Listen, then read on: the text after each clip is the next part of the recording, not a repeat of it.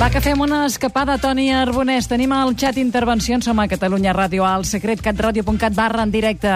Què ens diuen, Marissa, sobre el Toni? Per cert, que hem de dir que tornes. Sí, Ja havies tornat al secret. sí, havia tornat, vaig tornar a l'estiu, de fet, amb una col·laboració amb en Xavier Vilà, Sí? ara amb tu, Sí? i sí, definitivament, pues, tornem una altra vegada a casa.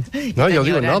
Roda el món i torna al Born. És una magnífica notícia que tornem a tenir aquí cada dia del món a Catalunya Ràdio, Toni Arbonès. Què diuen les fans i els gràcies. fans? L'enyoren, l'enyoren. En Josep de Palma de Mallorca diu si penses, penses en tornar a fer els viatgers de la Gran Anaconda. Què ets de dir, ara? Què dir? Ara que no ens sent ningú. Home, tu digues la veritat, per si mi, pot jo ser. estic disposat, absolutament disposat, és a dir, que aquí està la meva proposta Sí? i que la recolli qui l'ha de recollir. Molt bé, escolta'm, avui ens fas un viatge cap a... Sí, viatge, una Catalunya proposta, Nord. un recordatori, ja hem dit. Eh, Ja sabeu que els viatges no es mesuren pels quilòmetres que fem, sinó mm. per la intensitat amb els que els vivim. Bé, jo us volia proposar, doncs, una proposta senzilla d'anar a Montlluís, a Vilafranca de Conflent, dues ciutats fortificades extraordinàries. En el cas de Montlluís, penseu que estem a davant d'una ciutadella que va trigar en fer-se dos anys i van treballar més de 4.000 homes i es considera una proesa tecnològica i d'enginyeria.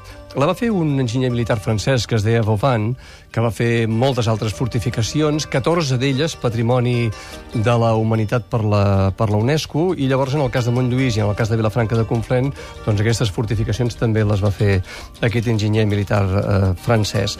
Bé, a Montlluís eh, ja sabeu que s'hi arriba, s'hi pot arribar a través de Puigcerdà, Bormadam, seguint la vall del riu Tet, no té pèrdua, ràpidament et topes amb les muralles, 25 quilòmetres, i allà les tens. Eh, actualment és una ciutat doncs, on hi trobem comerciants, on hi trobem artesans, sobretot a l'estiu, si aneu en aquesta època de l'any, doncs, pel fet de ser l'hivern hi ha menys activitat, l'activitat es concentra sobretot a l'estiu, travessem la població i al capdamunt hi trobem una ciutadella que era el, el lloc des d'on es defensava la ciutat de Montlluís. Val a dir que aquestes eh, impressionants muralles que es van construir, que van construir els francesos, m'imagino que per desconfiança amb les intencions del seu vell enemic del sud, doncs no han hagut de fer front mai a cap incursió, a cap atac. És a dir, que són uh. -huh. gruixudes i altes però no han servit per res. Bé, eh, després de Montlluís, seguint, el, com dèiem, la vall del Riutet en direcció a Prada de Conflent i a, i a Perpinyà, ens trobem en Vilafranca de Conflent, l'altra ciutat emmurallada, també actualment... preciosa, és preciosa. És preciosa, i a més a més et vas fixar, m'imagino quan hi va ser, doncs que Sí. una mica més amunt, uns centenars de metres més amunt, eh, enfilat a la muntanya, hi ha el Fort Libèria. Uh -huh. Bé, a mi en Vilafranca de Conflent hi va haver diverses coses que em van sorprendre. Una que eh, enmig dels comerços i botigues hi vaig trobar-hi eh, la boutique du champignon. La boutique du champignon. Sí. Molt Mira bé. que és curiós, no? Vull dir, Vilafranca de Conflent, què hi fan els xampinyons? Doncs sí, Sí? hi ha una botiga. I després hi ha el bar Canigó. Bé, vaig entrar-hi i vaig estar parlant amb en Joel Mena, que és bomber, que és tinent d'alcalde de Vilafranca. És bo, quan viatgem, d'intentar parlar amb la gent. Sí. No només veure coses, sinó parlar amb la gent. I en, jo, en Joel Mena doncs, em va explicar que ell és bomber. Eh, esclar que si no m'ho hagués explicat també ho hauria deduït perquè tot el bar està absolutament ple d'objectes, de retalls de premsa, de, eh, dels bombers doncs, eh, eh, fent la feina i parlant amb el Joel i menjant unes boles de picolat. Saps què són les boles de picolat? Francament, no. És un plat, és el plat de la regió, i picolat és carn picada. Ah, eh? Boles carai. de picolat. Doncs bé, menjant les boles de picolat i parlant amb en Joel em diu, escolta'm, ja, ja has anat al soterrani dels Mil Esglaons? Dic, què és això?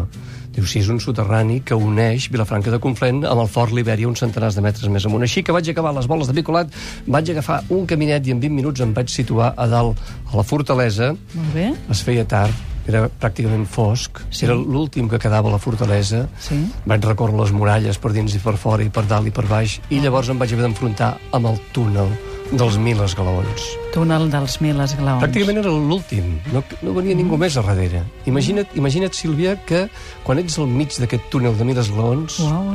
passa alguna cosa. Què? Bé, però no, no va passar res. Vam fer el túnel... Res, certament fa impressió, eh, perquè és un túnel que no veus on s'acaba. I quan arribes a baix hi ha una porta tancada. I? I si no s'obre, haver de tornar a remuntar els 775 esglaons, per ser exactes. I els vas fer? No, es va obrir la porta. Així que vaig poder sortir una altra vegada a Vilafranca de Conflent Vam sobreviure, vam sobreviure el viatge, eh? Molt bé, molt bé, molt, Molt bé. bé. Escolta'm, uh, mm, parla'ns un instant d'un tren fantàstic. Sí, bé, un aquest tren... recorregut que jo vaig fer per la carretera, com dic, seguint la vall del riu Tet, es pot fer també amb el trenet groc.